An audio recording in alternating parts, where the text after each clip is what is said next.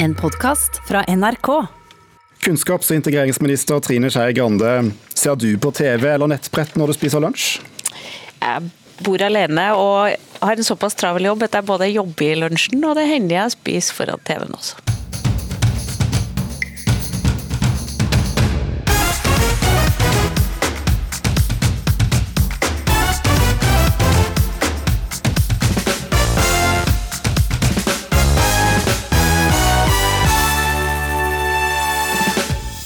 Mange skolebarn ser på TV når de spiser mat i storefri.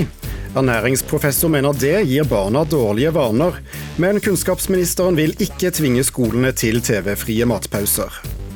Fotballjentene i Lillesand slapp å spille i hvite shortser likevel. Å vinne den kampen gir tolv år gamle Anna mot til å satse på en fotballkarriere. Det var ikke bare vinneren av Melodi Grand Prix, Ulrikke Brandstorp, som fikk oppmerksomhet etter finalen. Det gjorde også en 22 år gammel bilmekanikerlærling fra Steinkjer, som lurte på om det var han som hadde satt i gang stemmekaoset.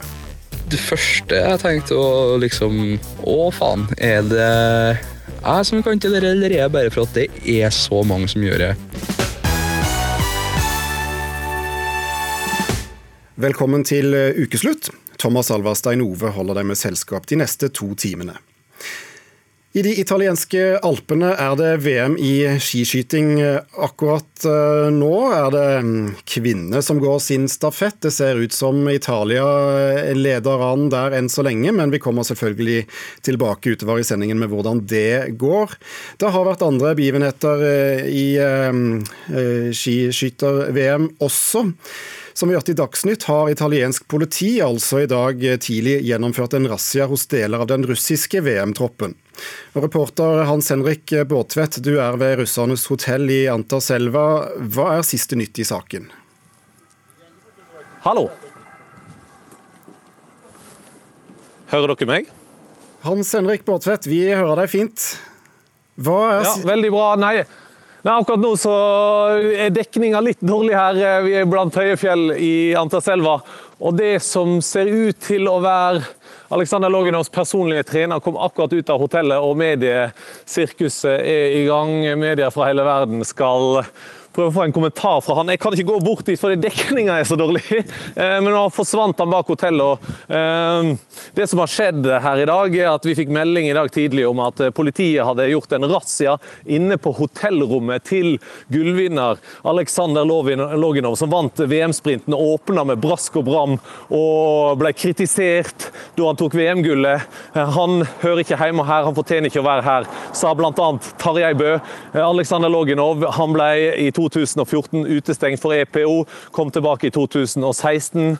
Eh, har siden blitt kritisert for å være med i sirkuset, har aldri beklaga, har aldri sagt noe som helst om dopingdommen som eh, de andre utøverne aksepterer som en unnskyldning, eller aksepterer som eh, ja, et godt nok svar. Det som skjedde i natt, var at politiet kom etter en melding fra Det internasjonale skiskytterforbundet om at Aleksandr Loginovs personlige trener, som ikke er tilknyttet landslaget, han var til stede i Antarselva med ukrainsk akkreditering. og Det syns nok Det internasjonale skiskytterforbundet var veldig rart. Hvorfor skulle han dukke opp med en såkalt falsk akkreditering, en akkreditering fra et annet land enn det han kommer fra? og Derfor ville nok politiet sjekke hva var det Aleksandr Loginov drev med. Hva er det Aleksandr Loginov har av dokumentasjon på at det kan foregå noe som, har vært, som er lignende det han har vært involvert i eh, tidligere. Det ser ikke ut til at eh, dette kommer etter en lang etterforskning, eller at eh, de har funnet noe. Det vet vi ingenting om ennå. Vi vet bare at det er en helt vanlig razzia her nede i dalen, et par kilometer ned for der stafetten for kvinnene foregår akkurat nå. og et par kilometer ned fra der Aleksandr Loginov skal gå siste etappe for Russland i dag, mot Johannes Tingnesbø.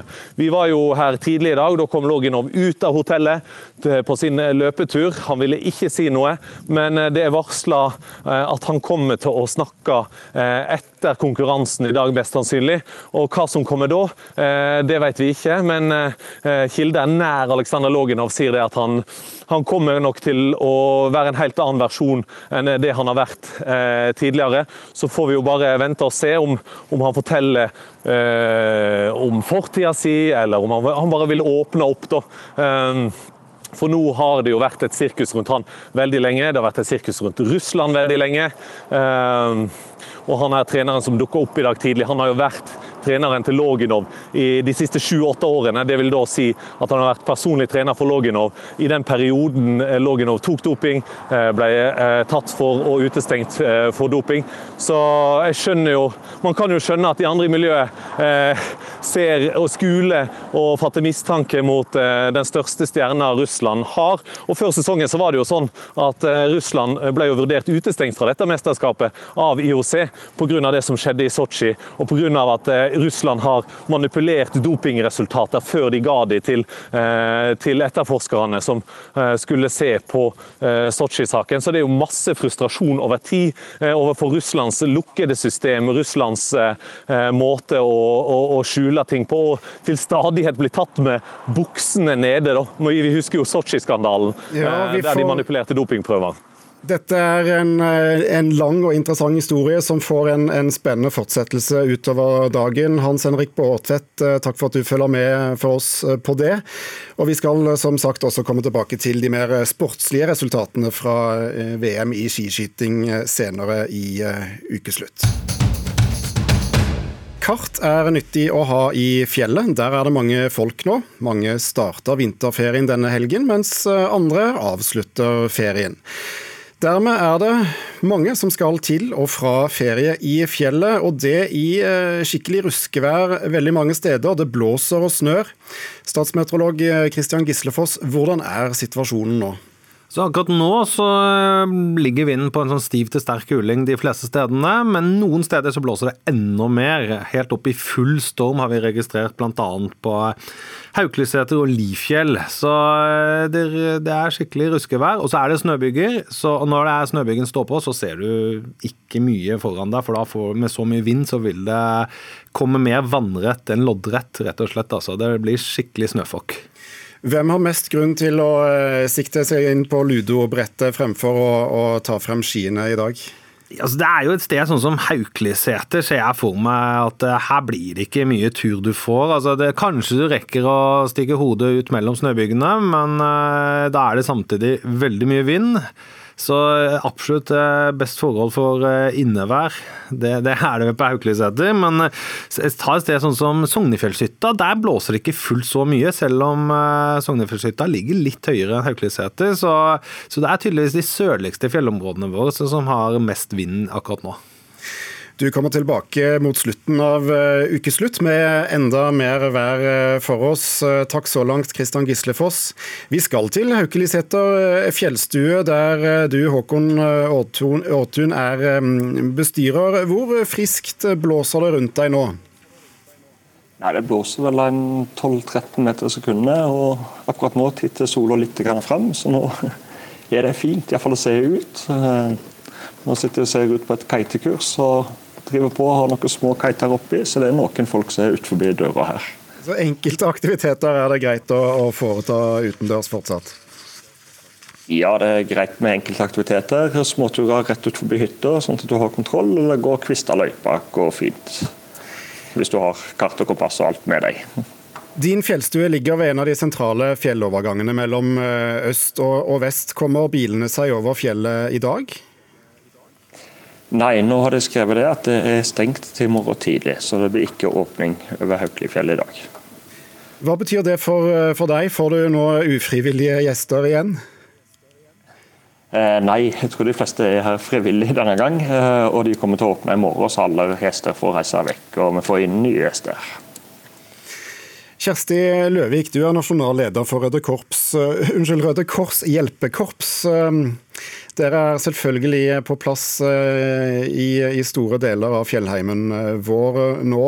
Hvordan opplever dere været i fjellet? Det er Tilbakemelding fra distriktene er at det er som eh, vi hører ellers her, veldig mye forskjellig vær i fjellet nå. Noen har ganske greit vær. og eh, Sånn som her jeg sitter nå, så er det blå himmel, men skyene beveger seg ganske fort. Andre plasser så snør det vannrett. Vi er altså midt i en helg der, eh, der, store deler av landet avslutter ferien, mens andre deler går inn i, i ferien. Det betyr mye folk i fjellet. Betyr det at det er travelt for dere?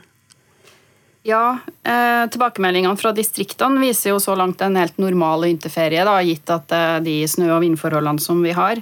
Så er jo vi frivillige, så noen av våre har bemanna hytta i eh, bruk av egen ferie, og andre har normal eh, vakt. Det varierer jo rundt om i landet. Hva er egentlig det dårligste været sett med, med, dine øyne? Er det dagens vær med snøfokk og, og um, sterk vind, eller er det andre værtyper som, uh, som gjør at dere rykker ut? Sånn som man får beskrive fra Haukeli, så, så, er det egentlig ganske, ganske, greit. For da forstår folk at de ikke skal gå ut. Uh, når det snør vannrett og du ikke ser trærne som er utafor hytta, så, så er folk inne og eh, spiller spill og drikker kakao. Men eh, det, det vanskeligste været eh, er det som når det endrer seg veldig raskt. Når vi har alle mulige typer vær i løpet av en dag. For da legger man ut på et, en tur som fra morgenen av ser ut til å bli fin, og så endrer det seg i løpet av dagen. Og da kan farene lure. Nå er det stor snøskredfare flere steder i fjellet. Hvordan, eller Hva slags forholdsregler bør folk i fjellet ta nå? Det viktigste du gjør, er å følge fjellvettreglene. Eh, følge med på værvarsel og skredvarsel. og da, da det, det, å følge med handler jo også om å vise respekt for det. For eh, skred er ikke noe hyggelig snøhuletur. Det er tonnevis med hard snø som pakker seg rundt deg, og, og du blir dratt dit snøen vil. Så Unngå skredutsatte områder, dvs. Si over 30 graders helning. Eh, det er lett å forstå når det blåser og snør, men når været letter, så er det fortsatt samme regel som gjelder. Og eh, med mye vindbåren snø så øker skredfaren dramatisk. Er folk flinke til å huske på fjellvettreglene og ta dem til følge? Både òg. Eh, de fleste er gode på det. Eh, men jeg tror kanskje at man kan tenke litt eh, mer over det, særlig om man går i bare oppløyd, oppkjørt spor da, og tenker på at du må ha med deg litt ekstra utstyr og vite hvor du er hen til enhver tid. Så dette kartet som ble nevnt tidligere i sendinga, det vil jeg slå et slag for. Håkon Aartun, eh, kort til slutt her. Hvordan er stemningen inne på fjellstua når, eh, når veien er stengt og, og snøen fyker rundt hushjørnene? Nei, Den er veldig bra. Vi skal ha treretters middag, så alle gleder seg til i kveld. og Badstue er det noe som fyrer opp og sitter i. og ja, Spill og peiskos i dag. Og Veien er altså stengt over Haukelifjell, det er den også over Hardangervidda, Vikafjellet, Strynefjellet, Saltfjellet og Bjørnefjell. Mens det altså er kolonnekjøring bl.a. over Hemsedalsfjellet. Så det er lurt å sjekke forholdene før du legger ut på veien i dag. Takk til um, Håkon Aartun, bestyrer på Haukeliseter fjellstue, og Kjersti Løvik, nasjonal leder for Røde Kors hjelpekorps. Jeg rakk ikke hver gang jeg spiser. Jeg hadde som oftest en brødskive igjen. Hvis man spiser mens man ser på skjerm, så er det ikke sikkert at du eh, føler at du blir mett. Ja, har du på mat i dag òg? Her hører vi fra en eh, klasse på Åsvang skole i Trondheim som tidligere har fortalt at de sluttet å se på TV i lunsjen. Likevel viser Aftenposten Juniors undersøkelse at over halvparten av elevene på grunnskoler her i landet ser på TV i matpausen. Men å spise foran skjermen, det er en uvane, mener du, Nanna Lien, eh, professor ved Avdeling for ernæringsvitenskap ved Universitetet i Oslo. Hvorfor er det en uvane? Det er en uvane, fordi det har vist fra forskning at det henger sammen med overvekt og fedme og kan føre til livsstilssykdommer. Klart at Det er forskning som er basert på hjemmearenaen, men det å lære en sånn uvane i skolen, da, det er ikke noe som er ønskelig. Og det er klart at Når vi så da at ministeren tar så lett på det med skjerm, så blir vi veldig skuffa. For nå er det mange politiske dokumenter som legger vekt på at skolemåltidet skal være en sosial arena. Og da skjønner vi ikke hvordan denne skjermen da henger sammen med det at det skal være et sosialt måltid. Du har skrevet et debattinnlegg om dette i Aftenposten og spør der om barna skal lære å spise foran skjermen eh, i skolen. Er det sånn at noen glemmer å spise når de eh, ser på TV, eller, eller spiser de for mye? Det kan være begge veiene. Forskninga viser at de spiser mer når de da ser på skjerm, men det vi har blitt fortalt av en del, er at de glemmer å spise når de ser på skjerm. Det kan være mange inntrykk fra en skjerm som gjør at man da stopper opp å spise, kanskje. Kunnskaps- og integreringsminister Trine Skei Grande, vår øverste skolesjef her i landet. Mm, skal barna lære å spise foran en skjerm på skolen? Det jeg først og fremst ikke tar lett på, det er pedagogene sitt sin myndighet til å bestemme hva som skal skje i skole rommet. Eh, jeg syns ikke at det er en skoleministers ansvar eller oppgave å fortelle lærere hvordan man skal organisere skoledagen. Så om det noen ganger blir brukt skjerm, eller noen ganger blir brukt høytlesning, eller noe annet som gjør at du skaper ro rundt måltidet, som jeg mener er viktig, så er det det som er hovedoppgaven. Og litt metodefrihet må vi kunne åpne for i skolen. Men vi har skrevet rundskriv og forskrifter om at det skal finne gode muligheter for bespisning bespisning som også ivaretar måltidets funksjon, sosiale funksjon, og det har vi gitt beskjed om i skolesystemet. Men jeg kommer ikke til å forby noen å, å bruke ulike former for å få ro rundt et måltid. Jeg tror jo også på at pedagogene klarer fint å skape ro. Det jeg frykter litt, er at dette med skjerm er vel et samfunnsproblem som har kommet litt brått på oss, kanskje også i skolen. Og på den måten så er man ikke så bevisst at den skjermbruken og hva den kan føre til. Sånn at det å få litt klare direktiver nedover i systemene og helt ut i klasserommene om at den skjermen kanskje ikke er den lureste og beste måten, og at heller det sosiale og nettopp det at man kan oppnå både integrering og trivsel gjennom å ha et sosialt måltid. Og jeg tror også de vil klare å skape ro. altså. Sånn at, men det er noe med å være tydelig på hva det måltidet skal være, og følge opp alle disse dokumentene som fremmer det sosiale ved måltidet. Noen bare syns det er kjedelig når de ikke får lov å snakke og må se på TV, for da må det være ro i klasserommet når de spiser og ser på TV. Skal ikke ungene få lov å være litt sosiale i denne matpausen? Jo, selvfølgelig kan det være det, men det kan også være klasser som har utfordringer med å skape den roen som gjør at man faktisk får tid til å spise. Eh, jeg har sjøl prøvd meg som lærer i en andreklasse en gang som hadde veldig problemer med det. og når jeg tok opp Ronja Røverdatter og begynte å lese for dem, så ble den roen som gjorde at matpakken faktisk ble spist. Eh, og det skapte en ro i rommet som gjorde eh, at det viktigste, nemlig at de skulle få den maten i seg, lyktes vi med. Så det, jeg vil bare stole på pedagogene. Og så er det sånn at foreldre har også en jobb med å lage sosiale settinger rundt, rundt måltidene. Det er ikke sånn at skolen skal fikse alle delene av dette. Og så må jeg bare si at når jeg var lærer som er veldig veldig lenge siden, så er det ikke så relevant alltid, men, men da fantes det ikke noe NRK Super. Og det er klart at jeg opplever i dag unger som er åtte år, som har mer oppdatert på, på nyheter enn hva foreldrene var. Så at vi har gode nyheter og samfunnsinformasjon til unger, det syns ikke du skal skrive ned det heller. Lien, er det ikke også et poeng nettopp det at, eh, at måltidet blir inntatt i, i litt rolige former? Det kan bli mye bråk og støy? Klart det kan være eh, viktig at det inntas i rolige former, men jeg har tillit til at lærerne som pedagoger som driver mye gruppearbeid til vanlig, også klarer å lage ro, selv om de setter elevene i grupper som samtaler mens de spiser. Så det tenker jeg er viktig. Og Når det gjelder dette med undervisningsprogrammer, så tenker jeg det er flotte programmer, men ikke alltid du skal ha nyhetene til matpakka. Det er ikke alle nyheter som egner seg, selv om det er barnevennlige nyheter, til å få, få ned sammen med matpakka. Og klart Foreldrene har et ansvar, men kan inn, de kan heller ikke gå inn i skolen og gjøre noe med skolemåltidet. Det er det ministeren kan gjøre noe med. Ja, Hva er det du mener eh, kunnskapsministeren eh, bør gjøre? Jeg tenker at Det som er viktig, er at det sikrer gode rammer for skolemåltidet. At det er nok tid til å spise. At den tida er satt av til spising, faktisk, og ikke til undervisning. Som er faktisk også noe som skjer i en tredjedel av skolene. Så det er en viktig del av det. Og dette, Hvis man kan klare å sette i gang dette, så det er noe som man da kan få uttelling for, tenker jeg. Og kanskje Altså, Jeg er forsker, så jeg vil jo forferdelig gjerne ha noe data på dette her. Og vi har Elevundersøkelsen. Der kan vi ha noen spørsmål om vi klarer å få til eh, skjermfri tid som er sosial når vi spiser. I min tid som på ungdomsskolen så gikk vi faktisk til streik for å få lengre spisepauser. En streik som endte med at den måtte oppløses av politiet. Eh, Trine Skei Grande, kan ikke du si at eh, elevene skal få 20 minutters eh, spisepause? Det ble noen bra journalister av det, da. så, så, det gikk da bra ut av det òg.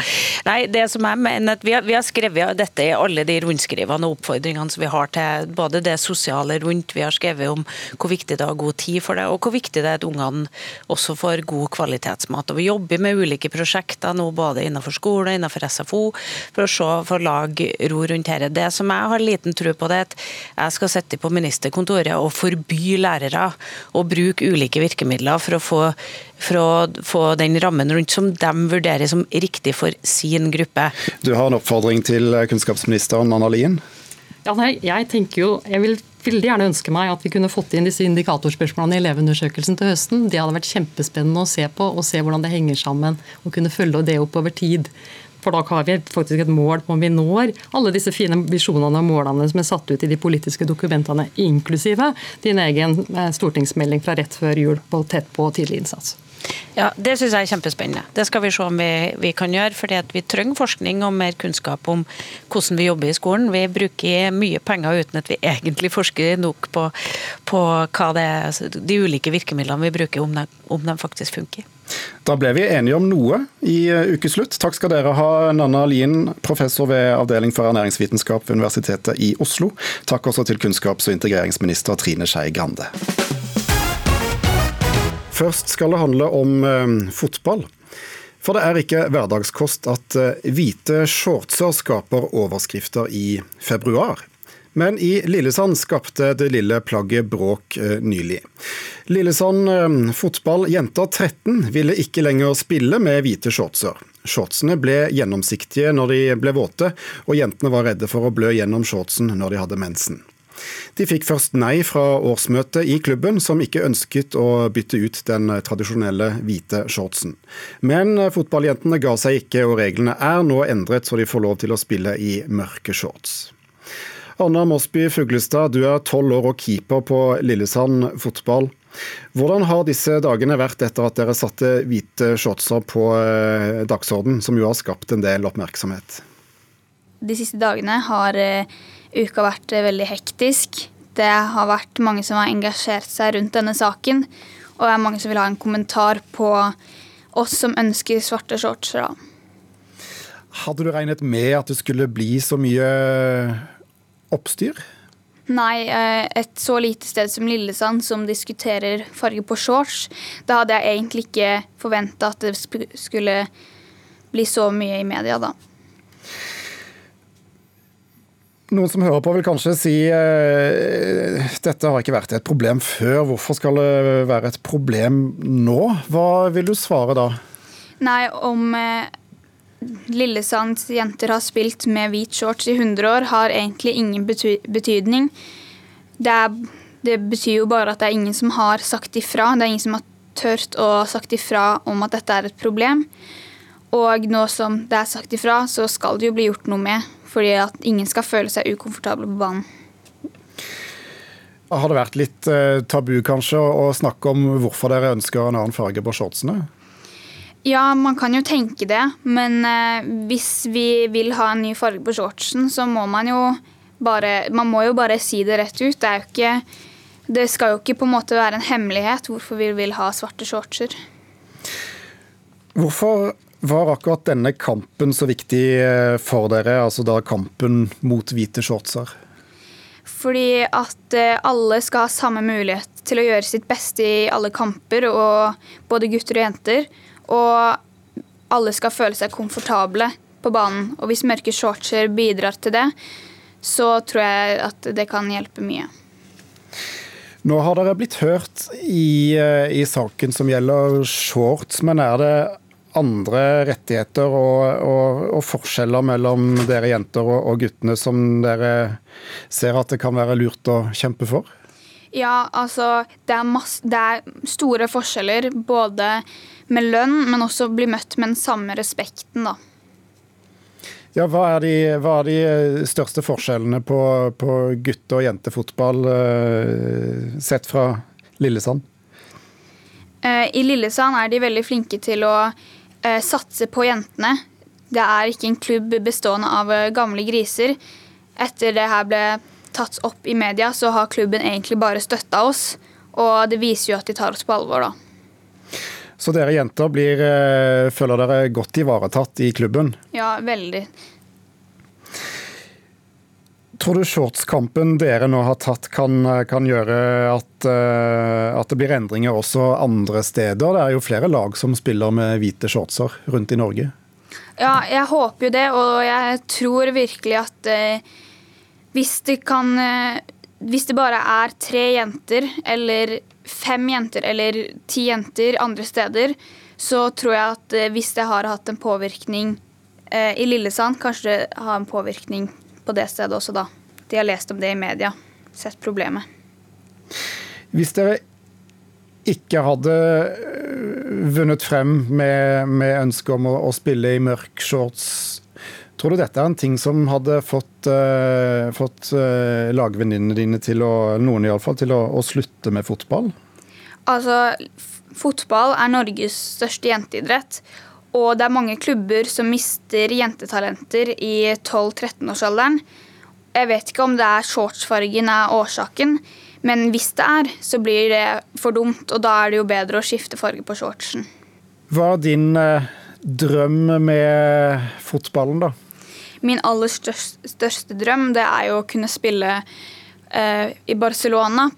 Eh, men det er jo fordi at det er mitt favorittlag, og det har det jo egentlig alltid vært. Men mitt neste mål er jo å komme på kretslaget, da. Så du har lyst til å satse på fotballen? Ja. Hva må til for at du som jente skal tørre å gjøre det?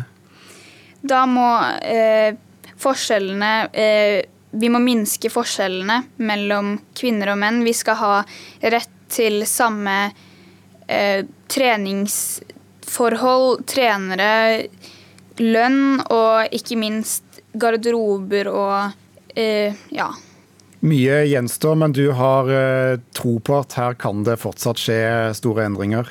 Ja, jeg har det fordi at eh, ting eh, beveger seg, og jeg har virkelig troa på at eh, vi kan endre det. Lykke til med fotballkarrieren, og takk for at du var med i eh, Ukeslutt, Anna Mosby Fuglestad.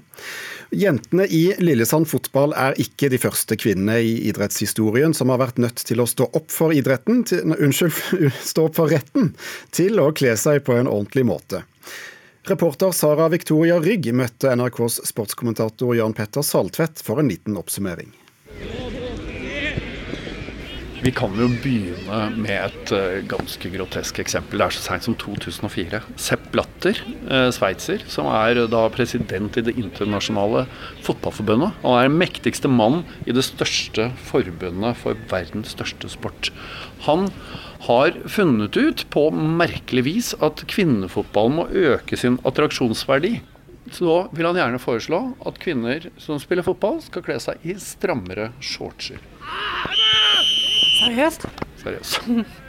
2004. I'm too sexy for my love, too sexy for my love, love's going to leave. Akkurat det forslaget fikk Sepp Blatter ikke igjen. Debatten den raste. Her hjemme mente fotballkommentator Mini Jacobsen at Blatter var latterlig. Hvis jeg vil se lettkledde damer og sånne ting, så håper jeg får jeg heller kjøper Playboy. Det er menn som styrer, det er menn som uh, legger premissene, og da kommer det en del forslag som man ikke tror er sanne. Blatter kom med det forslaget i 2004, og da skal man tro han var en reminiscens av en tid som var borte for lengst. Sju år senere kommer det forslag inn til Det internasjonale badmintonforbundet om at det at kvinner har fått lov å spille i shorts, må gjøres om. Uh, skjørt er det som gjelder. Kvinner skal se bedre ut. Skjørtforslaget ble heller ikke vedtatt, takk og lov. Men Vi har jo noe som eh, heter uh, Strand håndball. Der er man strenge. Her er det tegninger av ikke bare at kvinner er påbudt å ha på bikini, men det er tegna hvor høy skjæring det skal være på den i uh, reglementet. Mens gutta, selvfølgelig, shorts. De burde hatt speedo. ja, det burde de faktisk. Men folkens, det hjelper å si ifra. Sandvolleyball var jo en uh, olympisk eh, sport uh, ganske tidlig i og for seg. Uh, her var det ut på strendene, eh, høy musikk, og ikke minst kvinner i bikini. Hun hadde på en bitte, bitte liten mini-mini-mami-bikini. Første gang var hun den nye Så begynte man å se på TV-sendingene. Det var Alt var stort sett filma sånn passe kameravinkler bakfra. Det var slow motion-bilder med kvinner liggende i sand. Altså, det, var, det ikke noe tvil om hva man ville vise fram her. Dette begynte jo en del kvinner å reagere på. Så de kjempa jo en kamp for å kunne faktisk velge å ta på seg noe annet enn bikini. Da måtte de vente helt til 2012 før de til slutt fikk muligheten. Det er veldig mange som spiller i bikini fordi det er rett og slett praktisk, men de vil ha valgfriheten, og det skulle da bare mangle. Sportskommentator Jan Petter Saltvedt har ei heltinne han vil trekke fram, som slo et slag for kvinner i idretten med klær. Eller uten egentlig, du forstår snart. Vi må tilbake til VM i USA i 1999. Nå er det to sekunder igjen før det hele avgjøres. USA møter Kina i finalen. 90 000 spente tilskuere følger med på straffesparkkonkurransen. Og dette i mål, og dermed er USA verdensmestere! Brandy Chastain er den som har avgjort det her. I en enorm glede så gjør hun det en hvilken som helst mannlig fotballspiller ville gjort. Sklir bortover banen, drar av seg drakta i ren glede. Sittende igjen jublende på gresset i en svart sports-BH. Det hun gjorde, ble jo symbolet for det opprøret man ønsker at kvinnene skal gjøre mot alle de reguleringene som er lagt på hvordan man skal oppføre seg, hvordan, hva man skal ha på, alt sammen. Det er faktisk mulig å vise at dette gidder vi ikke å være med på. Om det er Brandy Chastain, eller om det er jentene som ikke vil ha hvite shortser i Lillesand. Si fra. Stå opp. På Facebook pågår det en skal vi si, klimakrig i disse dager. Først kom Facebook-gruppen Folkeopprøret mot klimahysteriet. Så fikk, den, så fikk den voldsomme mobiliseringen der et motsvar fra gruppen Folkeopprøret mot Folkeopprøret mot klimahysteriet. Rundt 240 000 nordmenn har latt seg engasjere av dette, og begge gruppene vokser stadig. Sosialantropolog Martin Thomassen ved NTNU, er dette et sunt og fruktbart engasjement? Ja, både ja og nei. Det kan bli veldig sunt, men hvis det stopper i skyttergraven, så tror jeg ikke det tjener klimaarbeidet på noe særlig god måte. Hvilke utfordringer ser du ved at man samler seg i denne typen grupper om, om så toneangivende tema i samfunnsdebatten? Ja, et stikkord her er jo det at uh, på sosiale medier så har ofte en lei tendens da, til at horisonten til de som deltar der, snevres inn. Det skapes ofte det som vi kaller for et ekkokammer, et slags sånn kommunikasjonsrom. Hvor en selv redigerer informasjonen og kanskje stenger ute de en ikke vil ha der. Det blir ofte gode vekstvilkår da, for dem som med, ja, for dem som med et veldig sterkt språkbruk ønsker å ytre ganske drastisk enighet eller uenighet. Det kan virke som klimadebatten er spesielt polarisert. Hvorfor tror du den har blitt det? Det tror jeg er fordi at det engasjerer. Og det engasjerer på mange måter. Og jeg tror mange blir engasjert ikke nødvendigvis pga. spørsmålet om klima, selv om mange kjenner det på, på, kroppen. Jeg tror også det er et engasjement her som handler om eh, gjerne litt eh, større eh, spørsmål. F.eks. viktige spørsmål i Norge som hvem skal, som skal få delta i samtalen om, om det som er riktig og, og galt. Ja, for hva er egentlig dette klimahysteriet som, som det nå da kjempes både for og mot? Ja, jeg har en, en, en tanke om, om, det. Eh, Stikkordet mitt er kanskje ikke så mye klimafornektelse. Jeg tror ikke at så mange av de som engasjerer seg i de nye grupperingene på sosiale medier, egentlig er klimafornektere. Det er jo flere klimaforskere som har gått ut og sagt at det er svært få mennesker i Norge, kanskje bare rundt 10% som aktivt går ut og fornekter menneskeskapte klimaendringer. Eh, Men det er jo åpenbart et stort engasjement, og jeg tror eh, det handler eh, mer om en slags ideologisk eh, eh, fornektelse. Altså en fornektelse her eh, av alt, en altfor stor statlig regulering da, av hvordan folk bør leve. Jeg tror at en del av engasjementet her er rett og slett et uttrykk for en forakt mot at vanlige folk får livene sine altfor mye styrt da, av statspålagte tiltak, påbud, forbud og pålegg og den type ting. Så det, debatten er egentlig mer klassisk enn enn det, enn det ser ut som på overflaten? Det vil jeg absolutt eh, slå et slag for. Eh, Norge har jo en veldig lang historisk tradisjon på eh, aktiv politisk deltakelse. Og det å, å, delta på Facebook, det, det, inngår jo egentlig bare i en lang sånn deltakertradisjon eh, i, eh, i, Norge. Eh, men hvis en ser litt historisk på den deltakelsen, så har det ofte vært en spenning mellom skal vi si, grasrota og staten, og også en spenning da, mellom erfaringsbasert folkelig kunnskap på den ene sida og ekspertkunnskap på den andre. Det her med å tenke sjæl, det har alltid vært viktig for veldig mange motkulturelle bevegelser som på en måte bruker sin egen sunne fornuft, har alltid stått veldig sentralt i uh, Norge. Kan vi si det sånn at du anbefaler uh, å opprette en tja til klimahysteri? ja, ja, hvorfor ikke?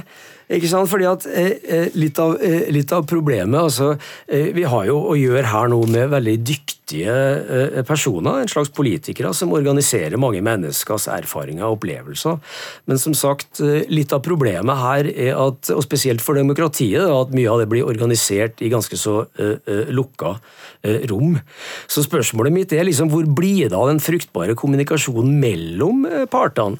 Ikke sant? Og det er da jeg slår et slag for hva med å opprette en ny sånn folkegruppe, en folkebevegelse, som, som seiler under navnet Tja.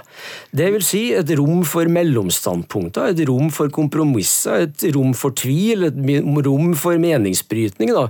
Et rom for alt det her som vi forbinder med en positiv offentlig øh, øh, meningsutveksling. Vi får avslutte med å sende den oppfordringen ut til engasjerte folk der ute. Takk skal du ha, Martin Thomassen ved NTNU. Kebabnorsk altså, det språket blir brukt enkelte steder i Oslo i stor utstrekning. Og nå kan det visst også høres mange andre steder i landet. Grunnen til det er ungdomsserier som blir sendt på NRK, mener en språkforsker. Herman Flesvig har gjort suksess med Førstegangstjenesten, og trakk også frem andre serier, serier i Dagsrevyen tidligere. Det er mange serier som f.eks. 17 og 18 og sånne ting som, som, gjør at det har blitt en sånn kul greie å snakke kebabnorsk. Bøn pass er frihet, da! Hva skal jeg gjøre? Bror elsker meg. Ja, så bøn pass er frihet! Faen, altså. Skal kjøttel? Vår reporter Dagny Elisabeth Ulland fant eh, egentlig ingen som snakket kebabnorsk i Alta, men mange synes det var gøy å prøve. Tøs. Tert. Fin. Roff. ok, det du hører her, det er kebabnorsk fremført av folk på Amfi Alta. Avor, jalla, inshallah, mashallah, lags, flus. Hadde ikke jeg hatt med meg en ordliste, så hadde ikke de faktisk ant hva det egentlig sa for noe. Altså, jeg hadde jo altså, Hadde ikke jeg lest det, jeg hadde jo aldri visst det. Ja, totalt uforståelig, rett og slett. For har ikke det oversettelse stått bak, så har ikke heller ant hva det, hva det betydde.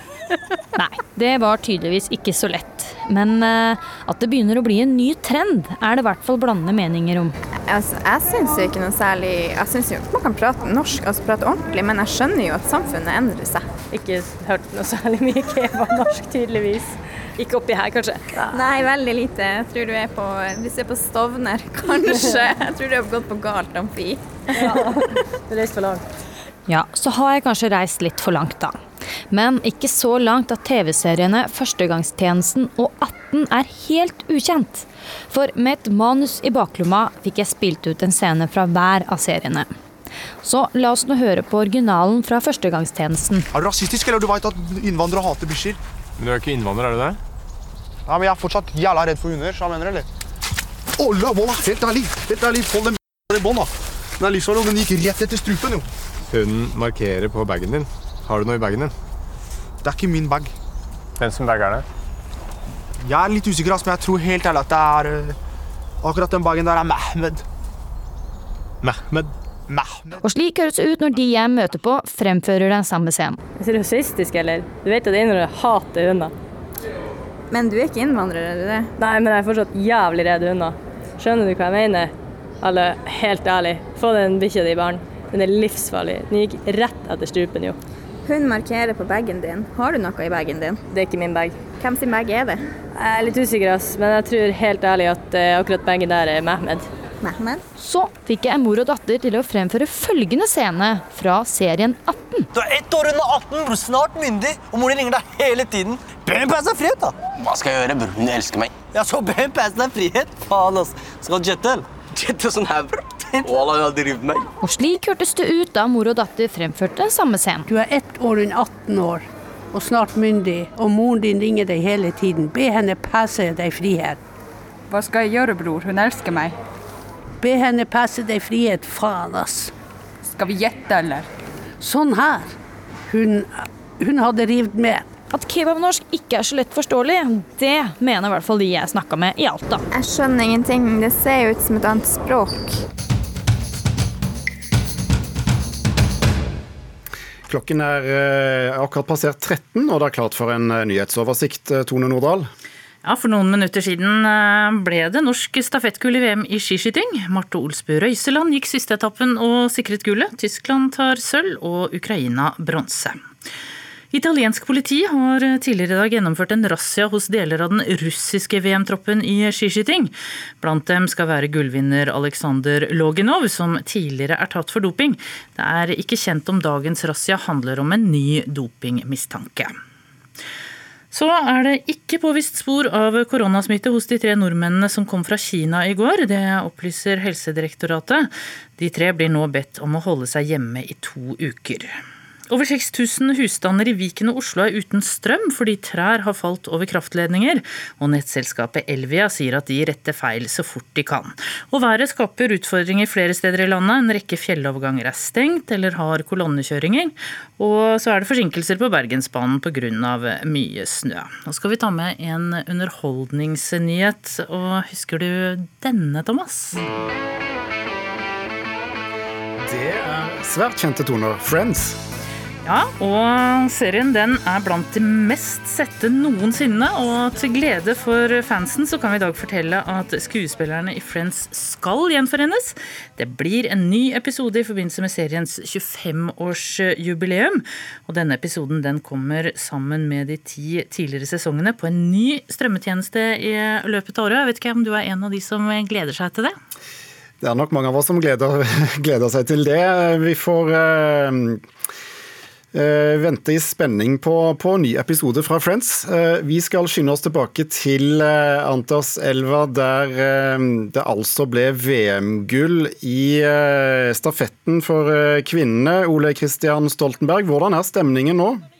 Du, her er det jo helt fantastisk å være norsk, i hvert fall akkurat i øyeblikket. Inne på stadion så intervjues eh, Marte Olsbu Røisland faktisk for publikum, og da stiger jubel blant de flere. Ja, det må da være noen tusen nordmenn her også. Jeg skimter mange flagg, og de har hatt det veldig gøy eh, den siste drøye timen. For det var en ekstremt dramatisk stafett hvor eh, de kokte ned til at Marte Olsbu Røiseland på skive 1 på siste stående i hele stafetten slo knockout på både Sverige og alle de andre, og sikret oss altså historiens femte VM-gull i kvinnestafett. Så her er det bare å kose seg, men det Man lurer jo nesten på hva man har vært vitne til, for dette her ble ekstremt eh, svingende, med noen outsidere ute i teten eh, tidlig i Italia, og så kom Polen, som de siste 20 årene i hvert fall aldri har vært bedre enn nummer seks i noen VM-stafett, og ledet før siste etappe. Og Tyskland jaktet oss, og vi hadde Sverige som en skygge med oss. I det hele tatt, eh, det var nesten en, det kan være en av de eh, mest elleville VM-stafetter for eh, kvinner jeg kan, kan huske. Og til slutt så gikk det sånn som vi helst vil det skal eh, gå da med norsk eh, gull. Takk skal du ha, Ole Kristian eh, Stoltenberg. TV 2-serien Heksejakt om en varsler i et advokatfirma har tematikk som engasjerer. Ifølge avisene DN og Universitas har serien fått jusstudenter til å lese seg opp på tematikken og diskutere etikk. Denne uken så ble siste episode lagt ut på TV2 Sumo, og serien har blitt eh, det mest sette programmet i TV2s nettspiller noen gang. Den her fakturaen Klant Consulting, det mangler noe her. Skulle være i orden, den. Det er jo hvitvask. Du skal holde så jævlig kjeft, Ida. Du forteller meg at du er avhengig av en eller annen byråkratfitte? Enkelte her stiller spørsmål ved din mentale helse. Det her er jo ren løgn! Kokte jo opp for å true meg til å holde kjeft! Er langt! fornøyd? Hvorfor måtte jeg oppdage den forbanna fakturaen? Seriens hovedrolle, Ida Våge, spilles av deg, Ingrid Bolse Berdal. Velkommen. Jo, tusen hjertelig takk. Hovedpersonen jobber altså i et advokatselskap, og varsler når hun ser en mistenkelig faktura som hun nekter å underskrive, noe som altså da utløser et livsomveltende drama som får eh, store konsekvenser. Hvordan har du merket at tematikken i denne serien engasjerer folk der ute?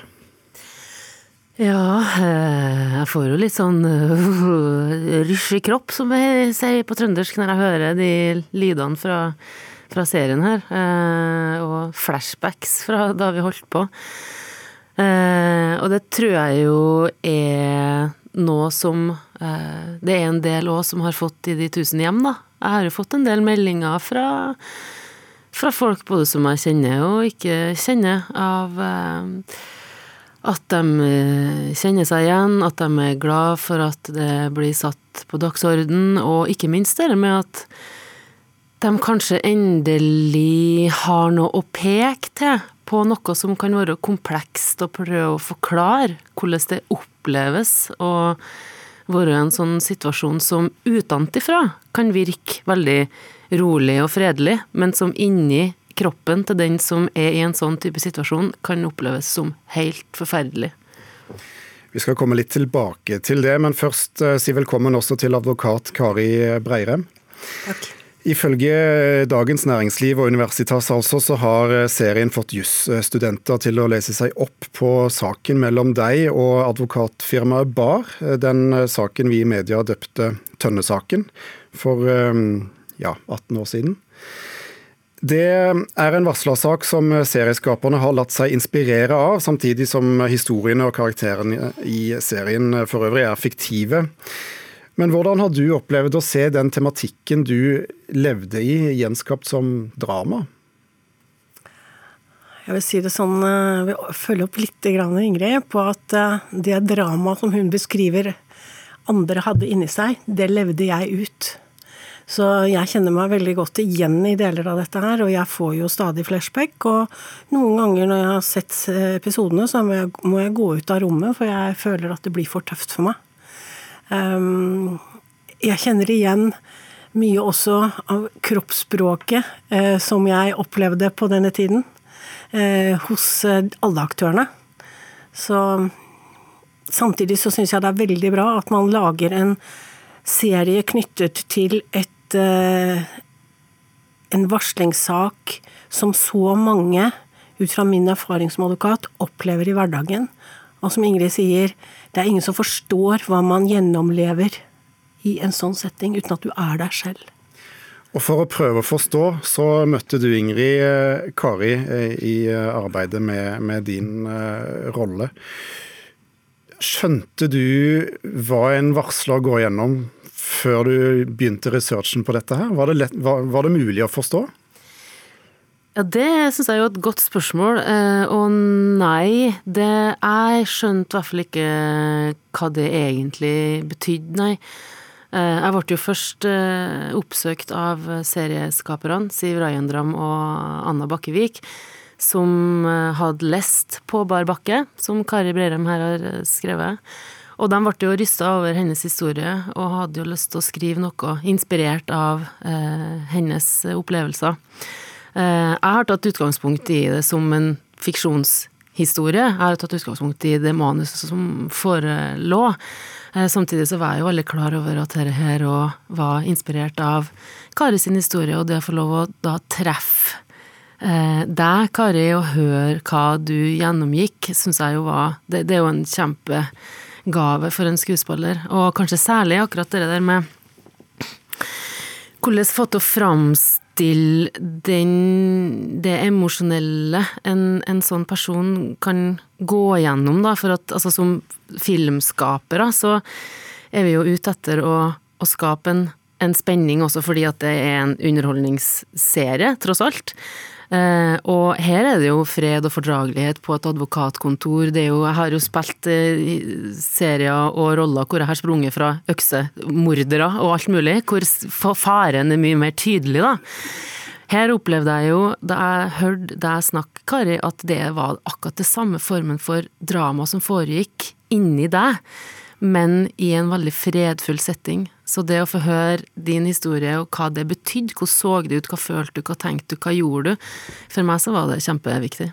Ja, eh, det var veldig fint å få snakke med Ingrid, også fordi at eh, jeg kunne jo forklare henne hvordan jeg følte, og kanskje var det et bidrag til at du kunne eh, mer annamme hvordan det var å være en varsler i en sånn situasjon som det jeg var i.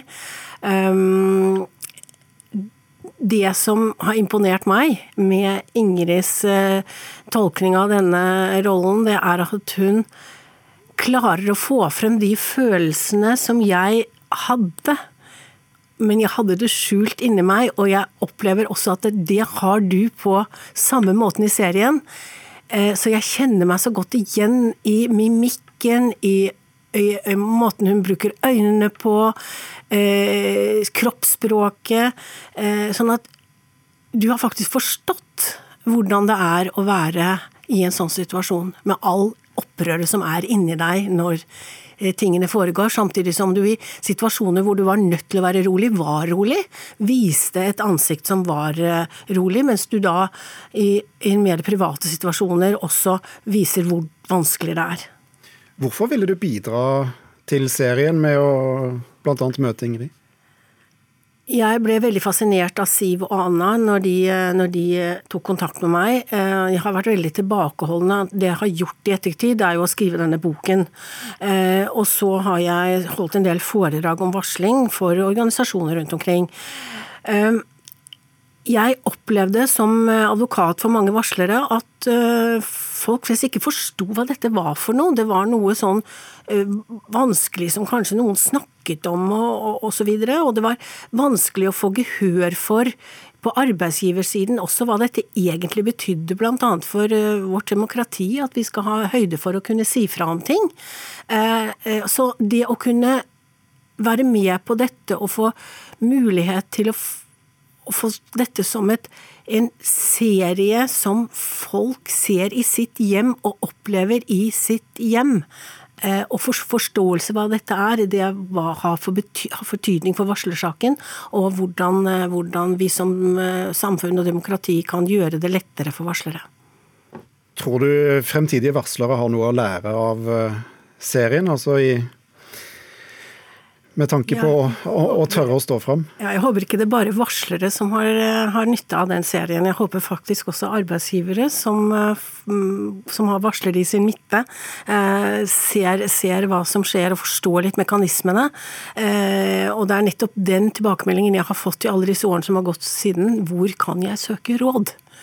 Eh, Så jeg håper jo på et eller annet tidspunkt at vi kan gjøre som Nederland, etablere et såkalt House of Whistleblowers, der folk kan gå og få råd, komme med sitt varsel. Er det et varsel, er det ikke et varsel, hva gjør jeg, hva gjør jeg ikke? Eh, Få, få råd og hjelp, og så undersøkes varselet i en helt annen del av bygningen. og så, eh, Det er faktisk et fysisk hus. Eh, Og så får man tilbakemeldinger om at ja, dette var et kritikkverdig forhold, et varsling, den går vi videre med, eller dette var dessverre ikke det, men takk for at du, du følger opp, og osv. Da tror jeg det blir lettere å stå i en situasjon for varslere. Det som ofte skjer i disse sakene, er at altså kollegaer også skygger litt banen, for de ser jo hva som skjer med varslerne og blir litt engstelige. Så mitt håp er at både arbeidsgivere og fremtidige potensielle varslere skal lære noe av denne serien. Så syns jeg jo at du har vært veldig god, Kari, i dine uttalelser på å òg si det at en varslingssak òg kan være kompleks i den grad at det er ikke alle varsler som heller er varsler. At eh, vi er mennesker, og vi føler mye, og det er mye agenda ute og går. Så det er, det er komplisert eh, å, å navigere i. Så det er veldig bra at vi diskuterer det. Og så er det en siste ting også som jeg har tenkt veldig mye på, det er det at når jeg får mye kommentarer, hvert fall her og der, omkring det, det råskapen som foregår i, i heksejakta, eh, og hvor forferdelig folk er, så mister jo folk litt motet. Eh, jeg har vært naiv i mange, mange år, og nesten hele mitt liv, vil jeg si, fram til at jeg opplever guri malla hva folk er i stand til å gjøre mot andre. Da.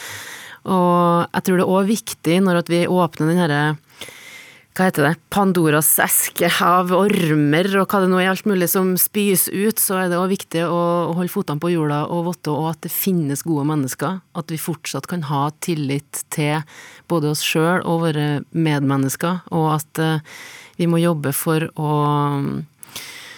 At vi kan skape òg et samfunn hvor vi, vi tør å vise sårbarhet, tørs å vise våre følelser, og hvor vi kan eh, stå i vår integritet og se hverandre inn i øynene. For en uke siden vant Ulrikke Brandstorp den norske finalen i Melodi Grand Prix. Her får dere vinneren av Melodi Grand Prix 2020, Ulrikke!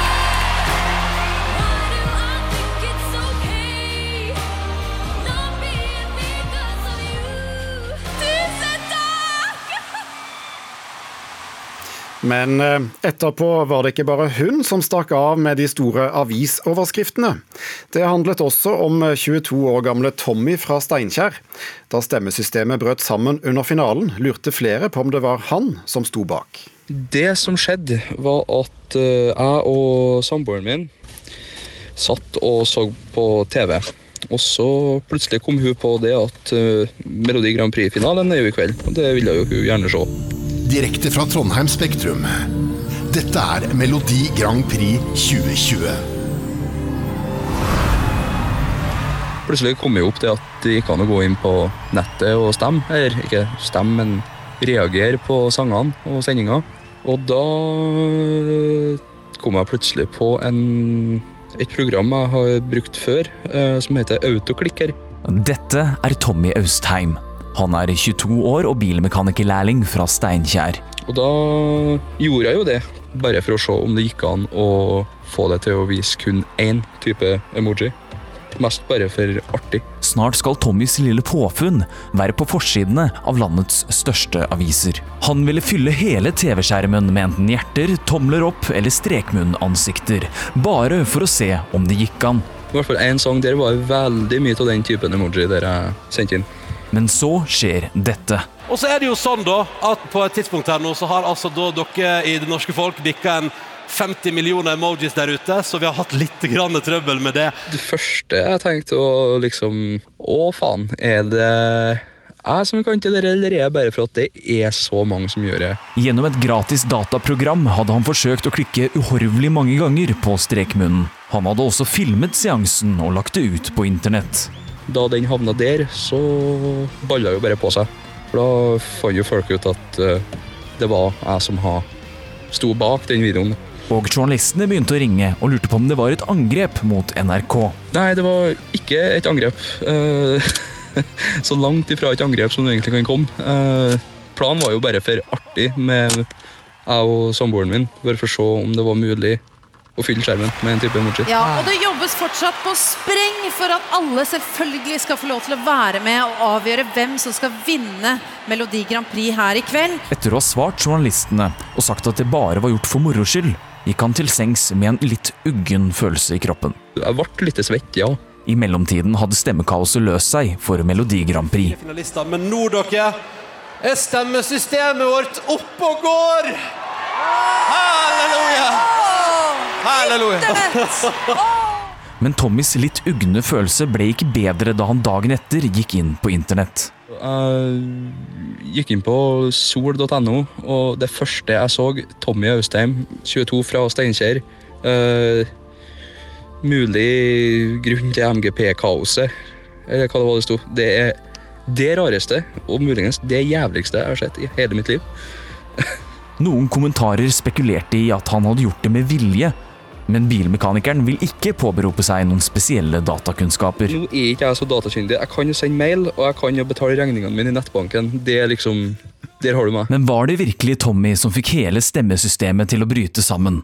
Den datakyndige dataarkitekten Øystein Sørensen tror ikke det. Risikoen med sånne høytrafikksløsninger er ofte det at du får eh, trafikken veldig brått inn på serverne dine. og da, da rekker ikke serverne rett og slett å varmes opp. Han gikk raskt ut på sitt eget nettsted Kaffe og kode, og mente det neppe kunne være emojiene som fikk systemet til å knele, men heller antallet brukere. En server er- kan sammenlignes med en, eh, en idrettsutøver. Da. Du må varme opp før du kommer opp i fart. Sørensen har drevet med IT-utvikling siden 1995, og sier NRK her burde tatt sine forholdsregler. Når man tester sånne løsninger, så er det ofte det at man, eh, man tar litt lett på, på testing for å ikke ødelegge sitt eget oppsett. Erfaringene mine viser jo det at eh, det er ofte at man er i hvert fall femgangen over de estimatene man, eh, man har gjort på forhånd da, i, i trafikkmengder. Ja, ja, ja, vi er også skuffa. Det er lov å bue. Det er lov å bue. Ja. Ja. Men vi kan bue på internett. Men hva skjedde egentlig under finalen?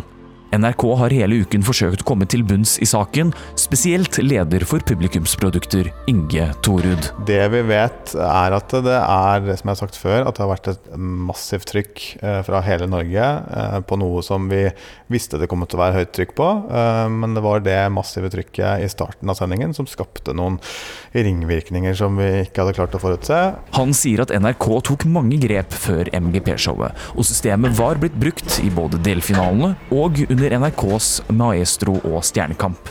I år kan du kun levere stemme på nrk.no, enten på mobilen din eller på en PC.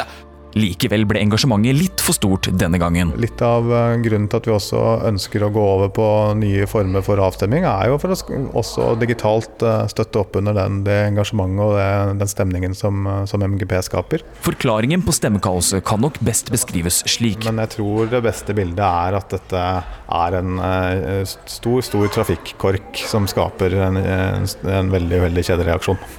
Men hva med bilmekanikerlærlingen Tommy fra Steinkjer? Han som nesten ble mer omtalt enn MGP-vinneren selv. Var det hans skyld at det gikk så galt? Nei, det var ikke hans skyld.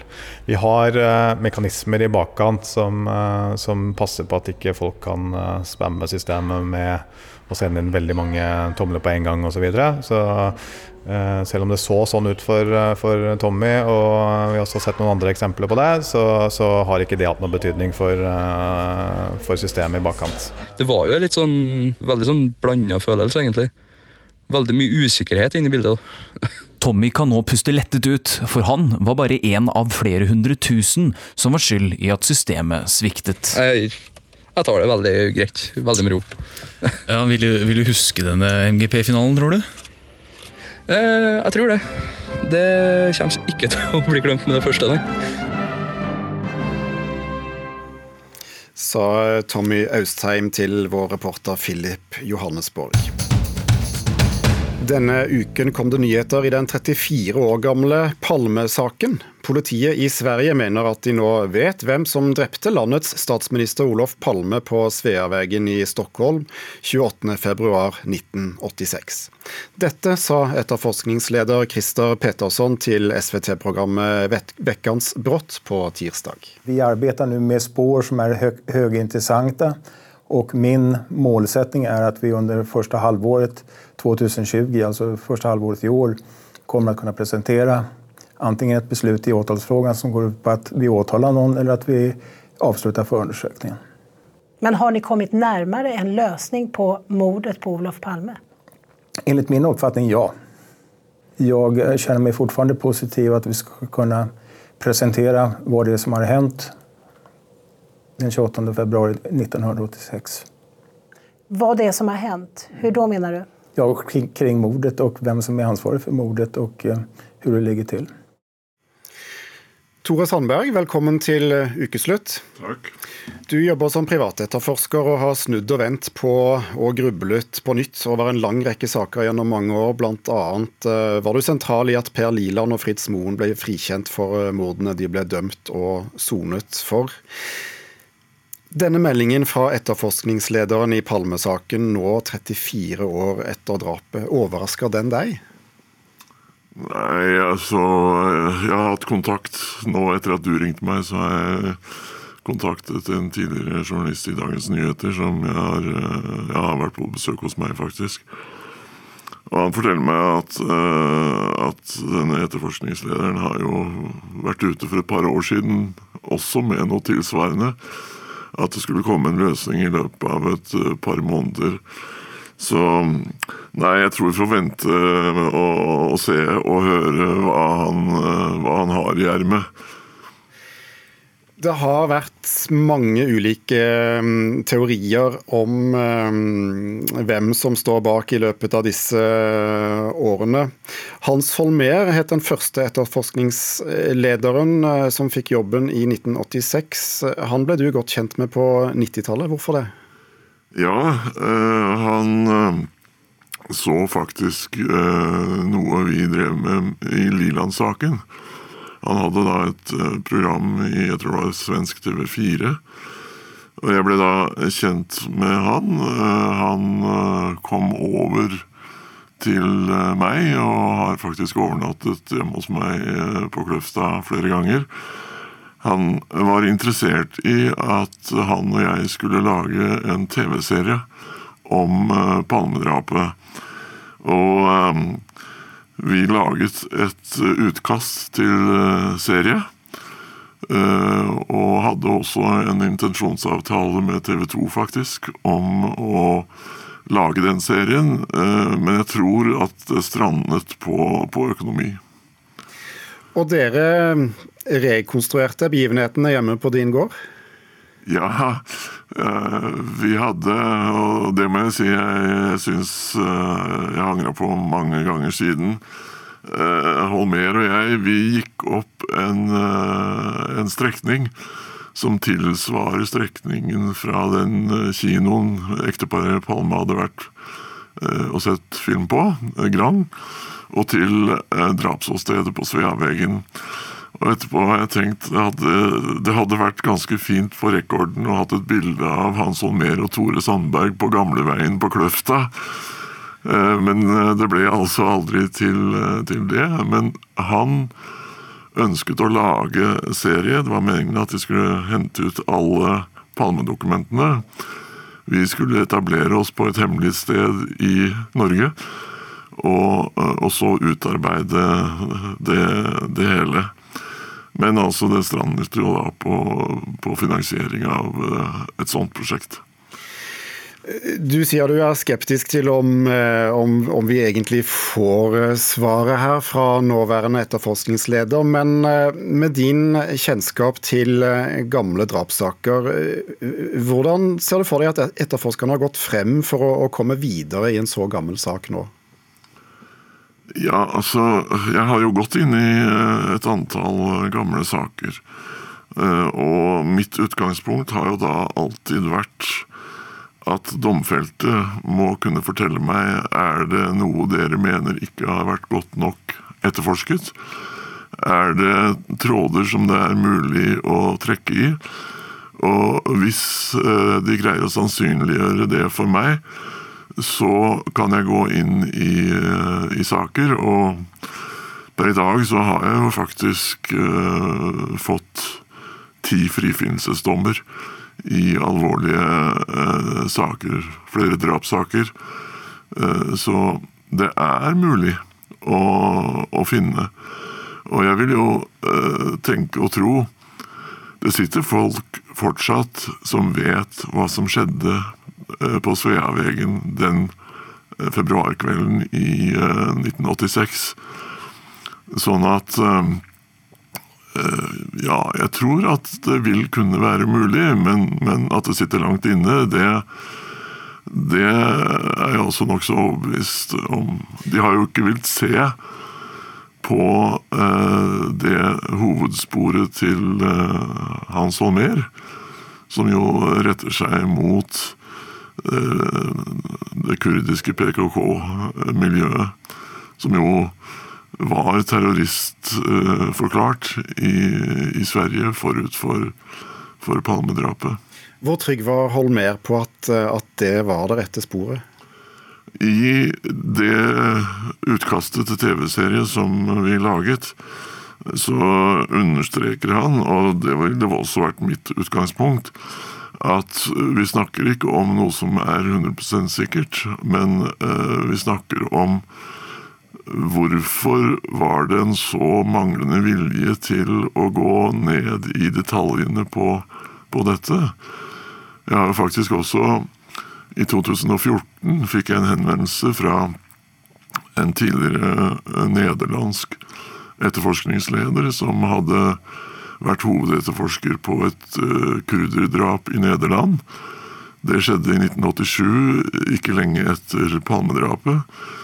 Og denne nederlandske etterforskningslederen, han har jo sagt, offentlig også, at han har funnet klare forbindelseslinjer mellom dette drapet i Tyskland og Palmedrapet. Han har forsøkt å kontakte eh, svensk politi, svenske myndigheter, men eh, han har møtt veggen. Svenske medier har de siste par årene skrevet mest om den såkalte Skandiamannen, altså en ensom ulv som skal ha hatt et hat mot uh, Palme.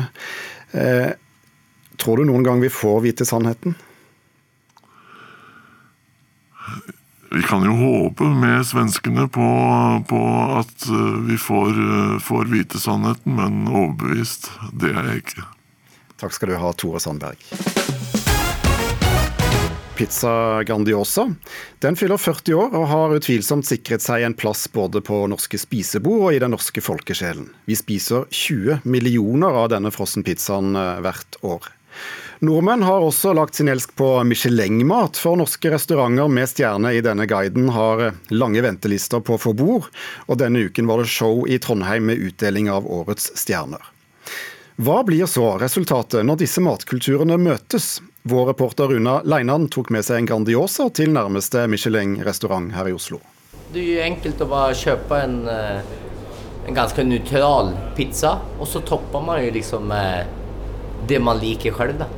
Jeg er på kjøkkenet til Michelin-restauranten Gatt og kjøkkensjef Bjørn Svensson for å se om det er mulig å gjøre en enkel Grandiosa Michelin-verdig. Nå var vi litt rause med toppingen i dag. Det er jo en liten feiring, eh, har jeg forstått. så...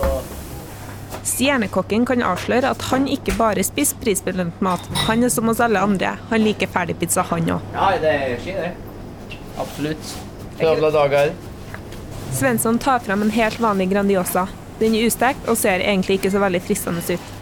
For å pimpe opp pizzaen så kutter han opp hvit bøffelmozzarella som han slenger på den ustekte Grandiosaen, for så å sette pizzaen inn i ovnen. Etter ca. ti minutter så mener mesterkokken at pizzaen er ferdigstekt.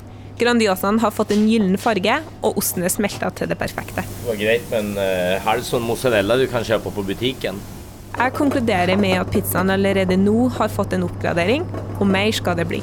Da har vi mozzarella på pizzaen. Det har ikke tomater eller salat eller finikken på. Det gjør seg best når det er friskt og lunt på pizza. Michelin-kokken går i gang med å lage salaten som pizzaen skal toppes med.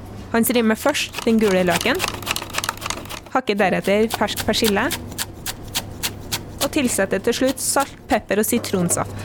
Salaten har fått en fin grønnfarge, og han legger den i små dunger utover den ferdigstekte pizzaen. Deretter kutter han opp seks-sju røde cherrytomater, og kjapt består pizzaen av en ekstra farge. Tomatene er jo veldig fine i seg selv.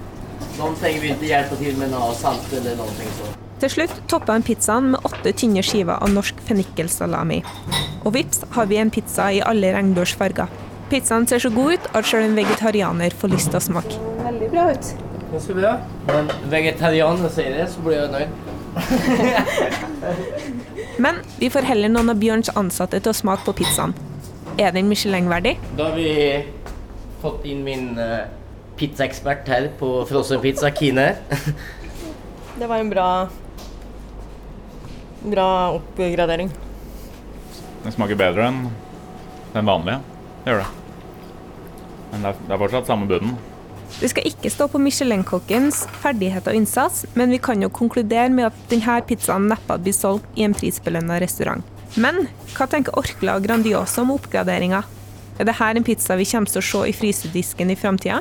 Den syns jeg ser uh, skikkelig bra ut. Den uh, er jo egentlig helt i tråd hvordan en skikkelig digg Grandiosa skal være, der han bruker norske råvarer. Norsk fennikelsalami og og så enda at han putter en salat på toppen, det er jo helt perfekt. Den uh, kunne jeg fint uh, teste ut uh, på den neste varianten. Kalle den for Svenssons frestelse.